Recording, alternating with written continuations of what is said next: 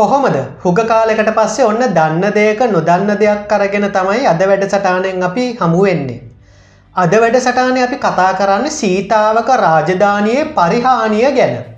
හැබැයි සීතාවක රාජධානයේ පරිහානිය ගැන කතා කරන්න කලින් අපිට සීතාවක රාජධානයේ ආරම්භය සහ විජේබා කොල්ලය ගැන සුළුවෙන් හරි කතා කරන්න වෙනවා. මොකක්ද විජේබා කොල්ලය කියලා කියන්නේ. විජයබා කොල්ලය කියලා කියන්නේ කෝට්ටේ හයවෙනි විජයබාහු රජ්ජුරුවන්ගේ ප්‍රධාන බිසවගේ පුතුන් තුන් දෙනා විජයබාහු රජ්ජුරුවන්ව ඝාතනය කල්ලා රජකම ලබා ගැනීම. ඒ තමයි සංක්ෂිප්ත කරුණ. ඒ සංශිත්ත කරුණ තව චුට්ටක් විතර දීර්ඝ කල්ලා කියනවා නම් හයවෙනි විජයබාහු රජ්ජුරුවන්ගේ පළවෙනි විවාහයෙන් රජතුමාට දරුවෝ පිරිමි දරුව තුන් දෙනෙක් හිටියා. ඒ තමයි බුවනකබාහු මායා දුන්නේසා රයිගම් බණ්ඩාර කියන දරුවන් තුන් දෙනා. රජතුමාගේ පළවෙනි කසාදෙන් පස්සේ රජතුමාට හිතෙනව තව කසාදයක් නැත්නම් දෙවෙනි කසාදෙකුත් කරගන්න. ඉතින් රජතුමා දෙවැනි කසාදයක් කරගන්නව දෙවැනි කසාදයේදී රජතුමා විවාහ වෙන්නේ කීරවැල්ලේ කුමාරිහාමි කියලා කාන්තාවක් එක්ක. ඉතින් කීරවැල්ලි කුමාරිහාමිට ඒ කාලේ දරුවෙක් ඉදල තියෙනවා දේවරාජ කියලා. ඉතින් මේ දේවරාජ කියන තමන්ගේ පුතත් එක්ක තමයි කීරවැල්ලි කුමාරිහාමි මාලිගාවට එන්නේ. ඊට පස්සේ එහෙම කාලයක් ගියාට පස්සේ කීරවැල්ලි කුමාරිහාමි හයවෙනි විජයබාහු රජ්ජුරෝන්ට කියනවා තමන්ගේ පළවෙනි විවාහයේ දරුවන් තුන් දෙනා. ඒ කියන්නේ බුවනක බාහු මායා දුන්නේ රයිගම් බණ්ඩාර කියන දරුවන් තුන් දෙනාගෙන් එක රජතුමාගෙන් පස්සේ ඔටුන්න හිමිවෙන්න ඕන බුවනක බාහු කුමාරයට හැබැයි කීරවැල්ල කුමාරිහාමි කියනවා ඒ ඔටුන්න නැත්නා රජකම ඒ දරුවන්ට නොදී තමන්ගේ දරුව වෙන දේවරාජට ලබා දෙන්න කියලා. ඉතිං මුලදී විජයබාහු රජ්ජුරුව මේ යෝජනාවට කැමති නොවනත් මේ කීරවැල්ල කුමාරිහාමිගේ ඒ ඇවිටිල්ලිල්ල නිසා නැත්නං අදෝනාව නිසා පස්සේ හයවෙනි විජයබව රජ්ජුරෝන්ට මේ යෝජනාවට කැමති වෙන්න වෙනවා. ඒ කියන්නේ රජකම නීත්‍යානුකූලව හිමිවෙන්න ඕන තමන්ගේ පළමු විවාහයේ බුවනක බාහු කුමාරයට රජකම නොදී විජයබාහු රජ්ජුරුවන්ගේ නොවන දරුවෙක් වන මේ දේවරාජකුමාරයට රජකම ලබාදීම. ඉතින් මේ සිද්ධිය හයවෙනි විජයබව රජ්ජුරුවන්ගේ පළවෙනි විවාහයේ දරුවන් තුන් දෙනාට ආරංචි වෙනවා. ඊට පස්සේ තමන්ගේ ජීවිතයට තියෙන අවධානම නිසා මේ තුන් දෙනා මාලිගාවෙන් පලා යනවා. පස්සෙ කාලෙක මේ ගොල්ලෝ එකට එකතු වෙලා සේනාව සංවිධානය කල්ලා රජමාලිගාව ආක්‍රමණය කල්ලා හයවන විජයබාහු රජ්ජුරුව නොහොත් තමන්ගේ පියාව ඝාතනය කල්ලා බලෙන් රජකම ලබා ගන්න. ඊට පස්සේ මේ කෝට්ටේ රාජධානිය කොටස් තුනකට කැඩෙනවා. ඒ අනුව කෝට්ටේ රාජධානිය වැඩිමලාවන බුවනක බහු කුමාරයා පාලනය කරනවා. දෙවනි කොටස සීතාවකට යනවා. එතකොට මායා දුන්නේ කුමාරයා සීතාවක පාලනය කරනවා. තුන්වෙනි කොටස යනවා රයිගමට. එතකොට රයිගම් බණ්ඩාර තමයි රයිගම පාලනය කරන්න. එතකොට කෝට්ටේ රාජධානිය තමයි ලංකාවේ ප්‍රධාන රාජධානිය. සීතාවක සහ රයිගම ප්‍රාදේශය වශයෙන් වෙනම රාජධානි බිහි වෙන එතකොට කෝට්ටේ රාජධානිය පෘතුගීසිංව පිළිගන්නවා සුහදව. නමුත් තීතාවක රාජධානිය ඒක පෘතුගීසින්ව පිළිගන්න සූදානම් වුණේ නෑ මේ විදේශී ආක්‍රමණිකයෝ නිසා. ඊට පස්සේ කෝට්ටේසා තීතාවකට රාජධානය අතරේ විවිධ මත ගැටුම් ඇති වෙනවා. ඒ සහෝදරවරු දෙන්න අතරේ විවිධ තරහමරහා නැත්නං විවිධ නෝක්කාඩු ඇතිවෙන්න ගන්න. එතකොට රයිගම් බණ්ඩාරගේ ඒ රයිගම රාජධානය බොහොම ස්වාධීන විදියට මධ්‍යස්ථ ප්‍රතිපත්තියක් අනුගමනය කරන්න නමුත් රයිගම් බණ්ඩාරගේ මරණයෙන් පස්සේ රයිගම පාලනය ඒ රාජධානයත් සීතාවකට ඇදාගන්න මායාදුන්නේ රජතුමා කටයුතු කරනවා. ඊට පස්සේ කෝට්ටේ රාජධානියත් ඊට පස්සේ පෘතුගීසීන් හමුදාවටත් විරුද්ධව මායාදුන්නේ රජතුමා ඇතුළු සීතාවක රාජධානය විශාල වැඩපිළිවෙලක් පටන්ගන්නෝ විශාල මහා පරිමාණ යුදව්‍යාපාරයක් පටන් ගන්නවා. ඉතින් මේ යුද්ධ නිසා විටිං විට සීතාවක රාජධානියෙන් කෝට්ටේ රාජධානයට ආක්‍රමණෙල්ල වෙනවා. ප්‍රහාරමාලා එල්ල වෙනවා. ඒවගේම කෝට්ටේ රාජධානයේ සිංහල සෙබලුන් වගේම මේ ප්‍රහාරවලට පෘතුගීසීන්මුත් ලක් වෙනවා. ඉතිං පෘතුගීසී හමුදාව කෝට්ටට එකතු වෙනවා. ඊට පස්සේ පෘතුගීසී හමුදා සහ සීතාවක හමුදා එක්ක විවිධ ගැටුම් ඇති වෙනවා. ඉතින් මේ විදිහට විශාල අසමගියක් නැත්නං රටේ විශාල අයහපත් තත්ත්වයක් උදා වෙනවා. විශේෂයෙන්ම මේ කෝට්ටේ පුරවරේ. ඉතින් මෙහෙම තියෙද්දි තමයි ඕගොලොන්ට මතක ඇති මුල්ලේරයා සටන සම්බන්ධව. එතකොට මුල්ලේරයා සටන සිද්ධ වෙන්නේ සීතාවක හමුදාවසා කෝට්ටේ රාජධානයට පක්ෂ පෘතුගීසි හමුදා අතර. ඉතිං සාමාන්‍යයෙන් ලෝකයක්ම පිළිගන්න දෙයක් තමයි පෘතුගීසී හමුදාවක් රටක් එක්ක යුද්ධ කල්ලා දරුණුම පරාජයක් ලැබුවනං ඒ ලබපු අන්තම පරාජය ලැබුවේ ශ්‍රී ලංකාවේ මුල්ලේරයා සටන අතරතුර කියන එක. ඉතින් මේ විදිහට විවිධ සටන් ඇති වුණ සීතාවකින් කොළබකොටු ආක්‍රමණය කිරීම සිද්ධ වෙනවා. ඉතින් මේ විදිහට වෙනවා. එතකොට පෘතුගීසින්ගේ තාඩන පීඩන නිසා කෝට්ටේ පුරවරේ ඉන්න සාමාන්‍ය ජනතාව සමහරක් ප්‍රභූවරු මහා සංගරත්නය මේ හැමෝම සීතාවක රාජධානය පැත්තට උඩරටට පලා යනවා. ඉතින් මේ හැමෝගෙම උදව් උපකාර සීතාවක රාජධානයට හම්බ වෙනවා.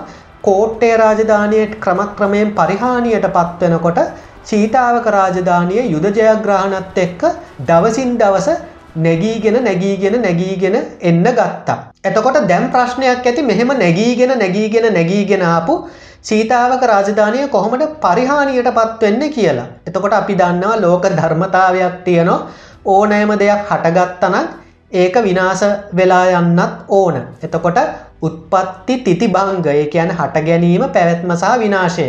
ඕක තමයි මේ ලෝකයේ හැම දේකටම පොදු සිද්ධාන්තය ඕකෙන් පිට සිද්ධාන්තයක් වෙන නෑ. ඉතිහාසඥයන්ගේ මතය සහ විශ්ලේෂණ අනුව පරිහානිය මේ එකවර සිද්ධ වෙච්ච පරිහානියක් නෙමේ.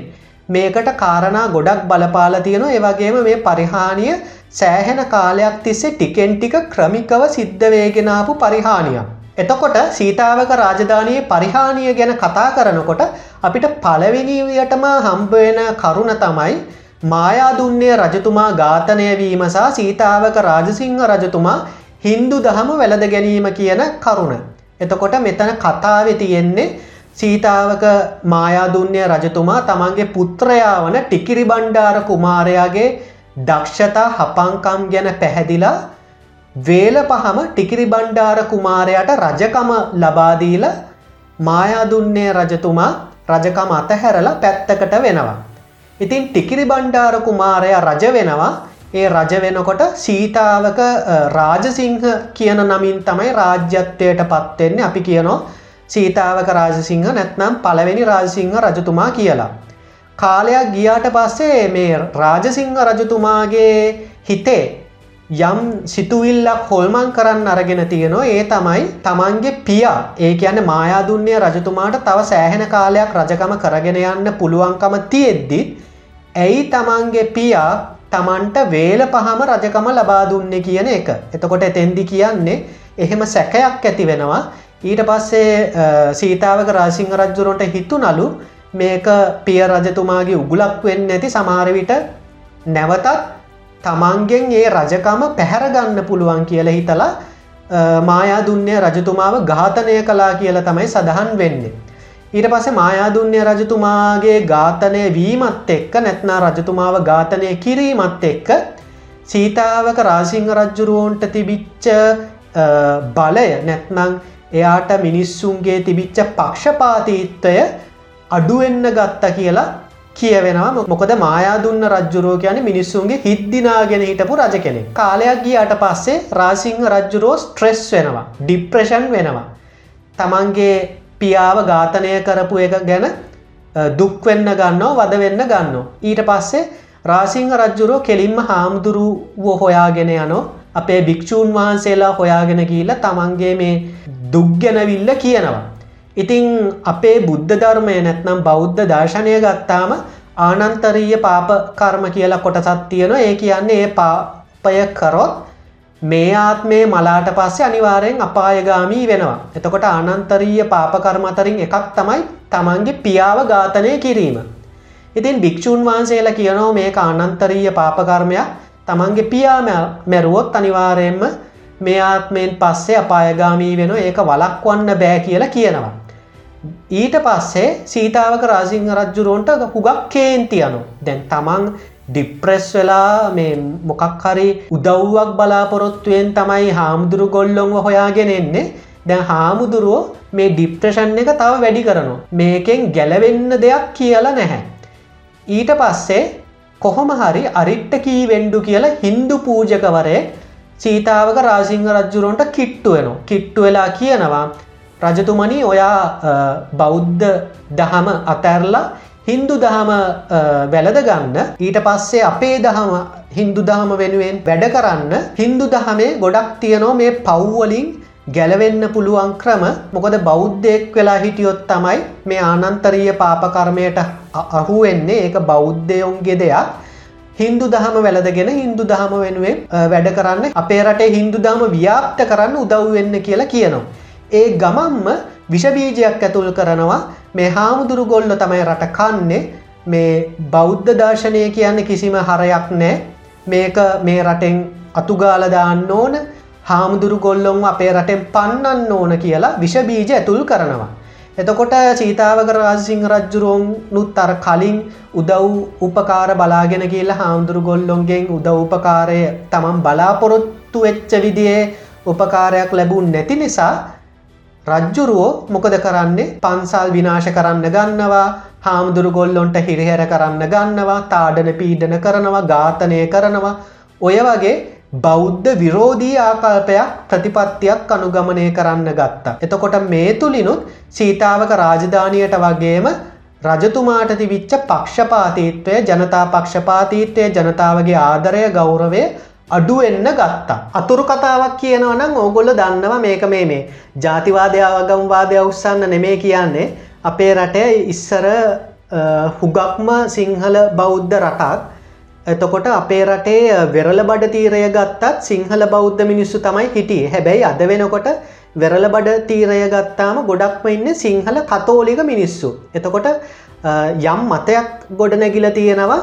සිංහල බෞද්ධ මිනිස්සු සිංහල කතෝලික බවට පත්වෙන්නේ ගැන මේ වෙරල බඩ තීරයන් කෝස්ට් ලයින් එක ඉන්න කට්ටියට එහෙම වෙන්න හේතුවත් මෙන්න මේ සාධකයම වෙන්න ඇති කියලා. ඇයිඒ දැන් අපේ බුදු දහමනුව ගත්තොත් සත්තු මරණ එක පව්. එතකොට දීවර කර්මාන්තය දෙන කට්ටිය අනිවාරයෙන් මාළු මරන්න ඕන. එතකොට මාළු මරණවා එතකොට ඊළගාත්මය ගත්තහම අපි කර්මයසා පුනර්භවයක් විශ්වාස කරනව බෞද්ධයෝ එතකොට ඊළගාත්මය ගත්තම ආයි උත්පත්තියක් වෙනෝ නිවන් දැක්ක නැත්නම් ඒ උත්පත්තියේදී පෙරාත්මවල පව් කල්ල තිබ්බොත් ඒකට හරියන්න විදවන්න වෙනවා. හැබැයි කතෝලික දහම ගත්තොත් කතෝලික දහමේ පුනරුත්පත්තියක් සිද්ධ වෙන්න නෑ.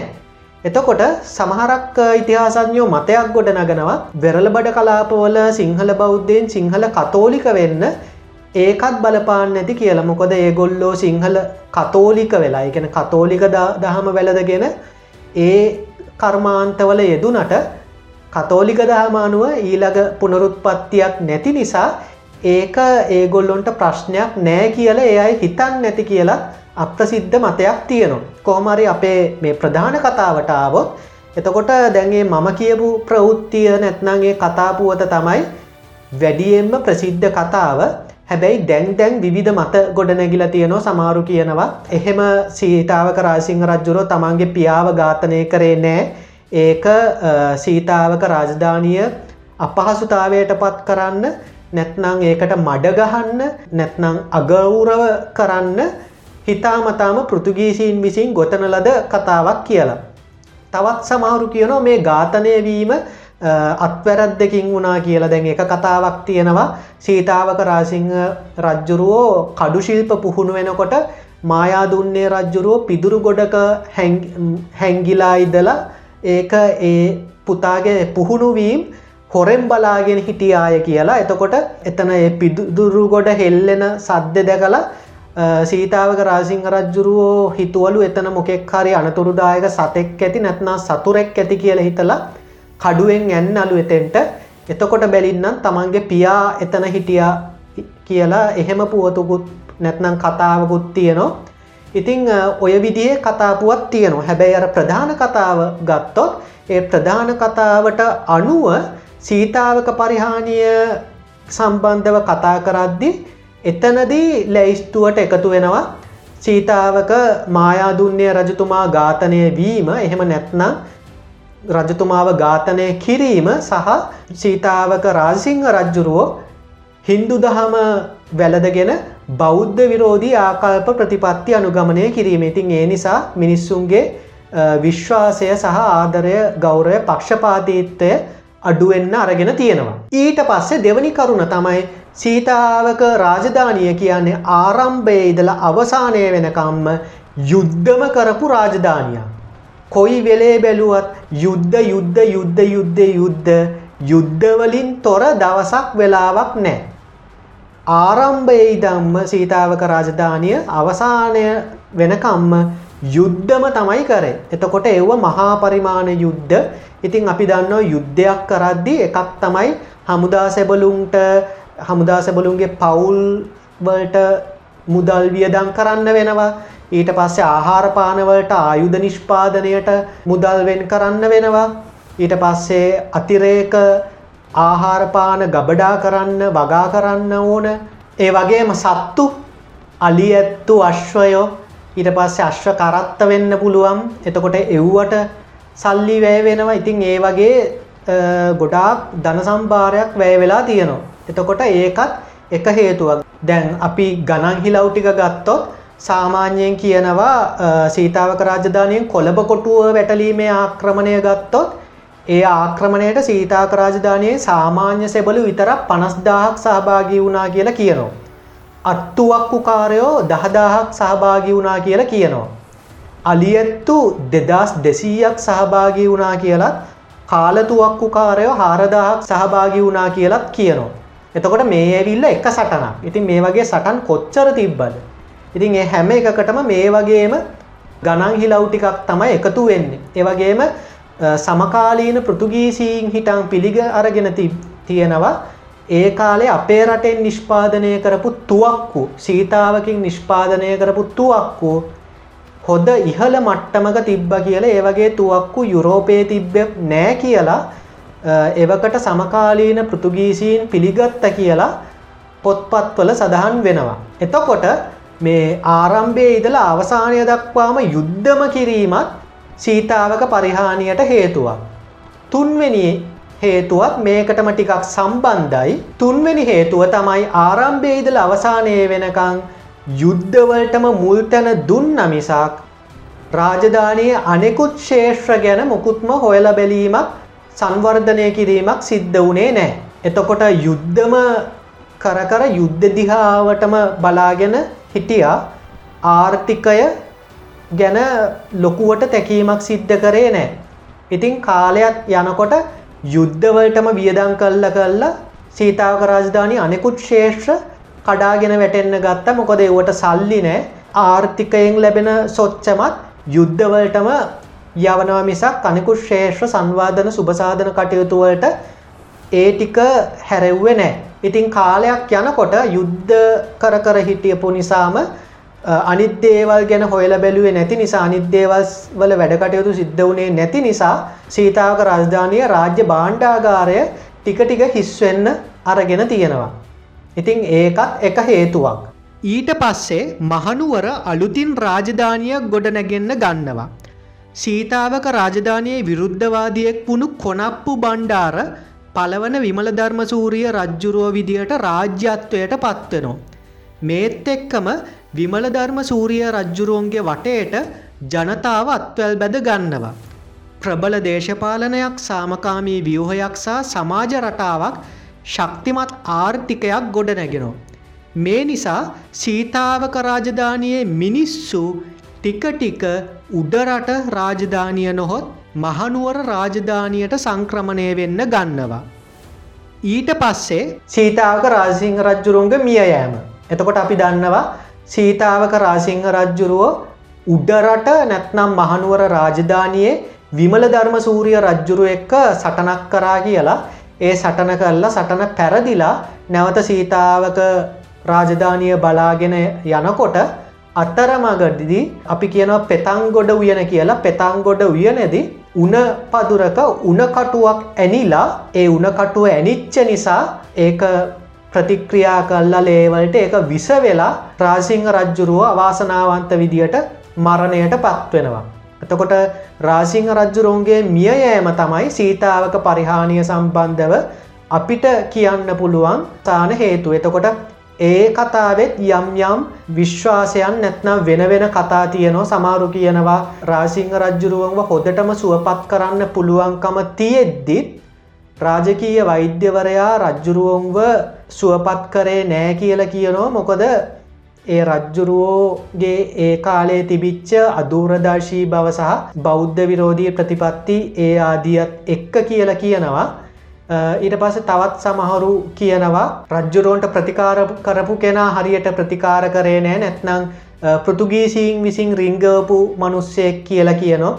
ඉතින් ඔය විදියට කතාපුවත් තියෙනවා. ඉතින් කොහොමහරි මොන කතාපුවත සත්‍යයක් වුණත් අසත්‍යයක් වුණත් අන්තිමටම මේක කැරකිලා එන්නේ උන කටුව ඇනිලා රජ්ජුරුව මැරුණාය කියන එකට. ඉතින් සීතාවකරාසිංහ රජ්ජුරුන්ගේ මිය යෑමත් සීතාවක පරිහානියට බලපාන ඉතින් රජතුමාගේ මිය යෑමත් එක්කම වගේ අර ගොඩාක් කල්ප කාලාන්තරයක් තිස්සේ ශ්‍රී ලංකාවේ සමස්ත ශ්‍රී ලංකා භූමියම ගැලවුම් කාරයා විදියට පෙනී හිටපු පෘතුගීසීන්ට අභියෝගයක් කෙල්ල කරන්න පුළුවන් එකම රාජධානය විදියට ලංකාවේ පැවතුණු අභිමානවත් ශ්‍රේෂ්ඨ බලවත් සීතාවක රාජධානිය පරිහානියට පත්වෙනවා. ඊට පස්සේ සීතාවක රාජධානයේ රාජසූරිය ඊට පස්සේ නිකපිටිය බණ්ඩාර වගේ කට්ටියත් මේ ගේම ඉස්සරහට අරගෙන යන්න උත්සා කල්ලා තියෙනවා. නමුත් ඒක ව්‍යාර්ථ වෙලා තියෙනවා. ඉතින් ඔන්න ඕක තමයි අද දවසේ අපේ වැඩසටහන. හිතනවා දන්න දෙයින් නොදන්න දේවල් ඉගෙන ගන්න ඇති කියලා. වැඩසටාන ඉතින් හොදයි නං වැඩසටාන සම්බන්ධව අදහස් දක්වන්න ලයික් කරන්න ෂයා කරන්න. පළවෙනි වතාට නං එකතු වෙන්නේ සබස්ක්‍රයිබ් බට්න එක ඔබල තියන්න. අපි ඉතිහාසය සම්බන්ධ කතාපුුවත් විතරක් නෙමේ. තව තව දේවල් ගොඩක්. එක එකක ශේෂ්‍ර ගැන එක එක අංශ ගැන එක එකක විදිේ වැඩසටාන් අපි අරගෙනෙනවා සබස්ක්‍රයිබ් බට්න එක ඔබල තිබ්බනං ඉස්සරාදියව බලන්න පුළුවන්. ඒවගේම චැනල් එකට ගිල්ලා මේ දක්වා කල්ල තියෙන වැඩසටහනුත් බලන්න කියලා ආදරයෙන් මතක් කරනවා. එහෙනම් අදට ඔච්චරයි. ආය මේ වගේම වැඩසටානකින් හමු වෙනතුරු ඔබ සැමට සුබ දවසක්. කටේ කිරි සුවඳ යන්නට පවා බැරි වුණා යුදට උපන් කුමරිඳු යැයි නමක් ඇති වුණා මුල්ලෙරියා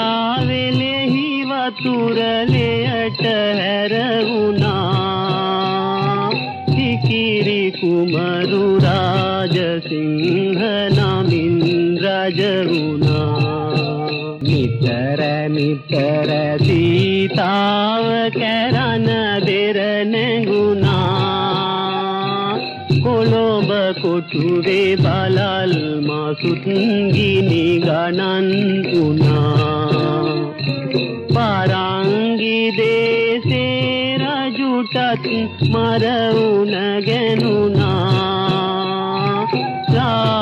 सिंह देवीना मेलो वेरा जगुना राज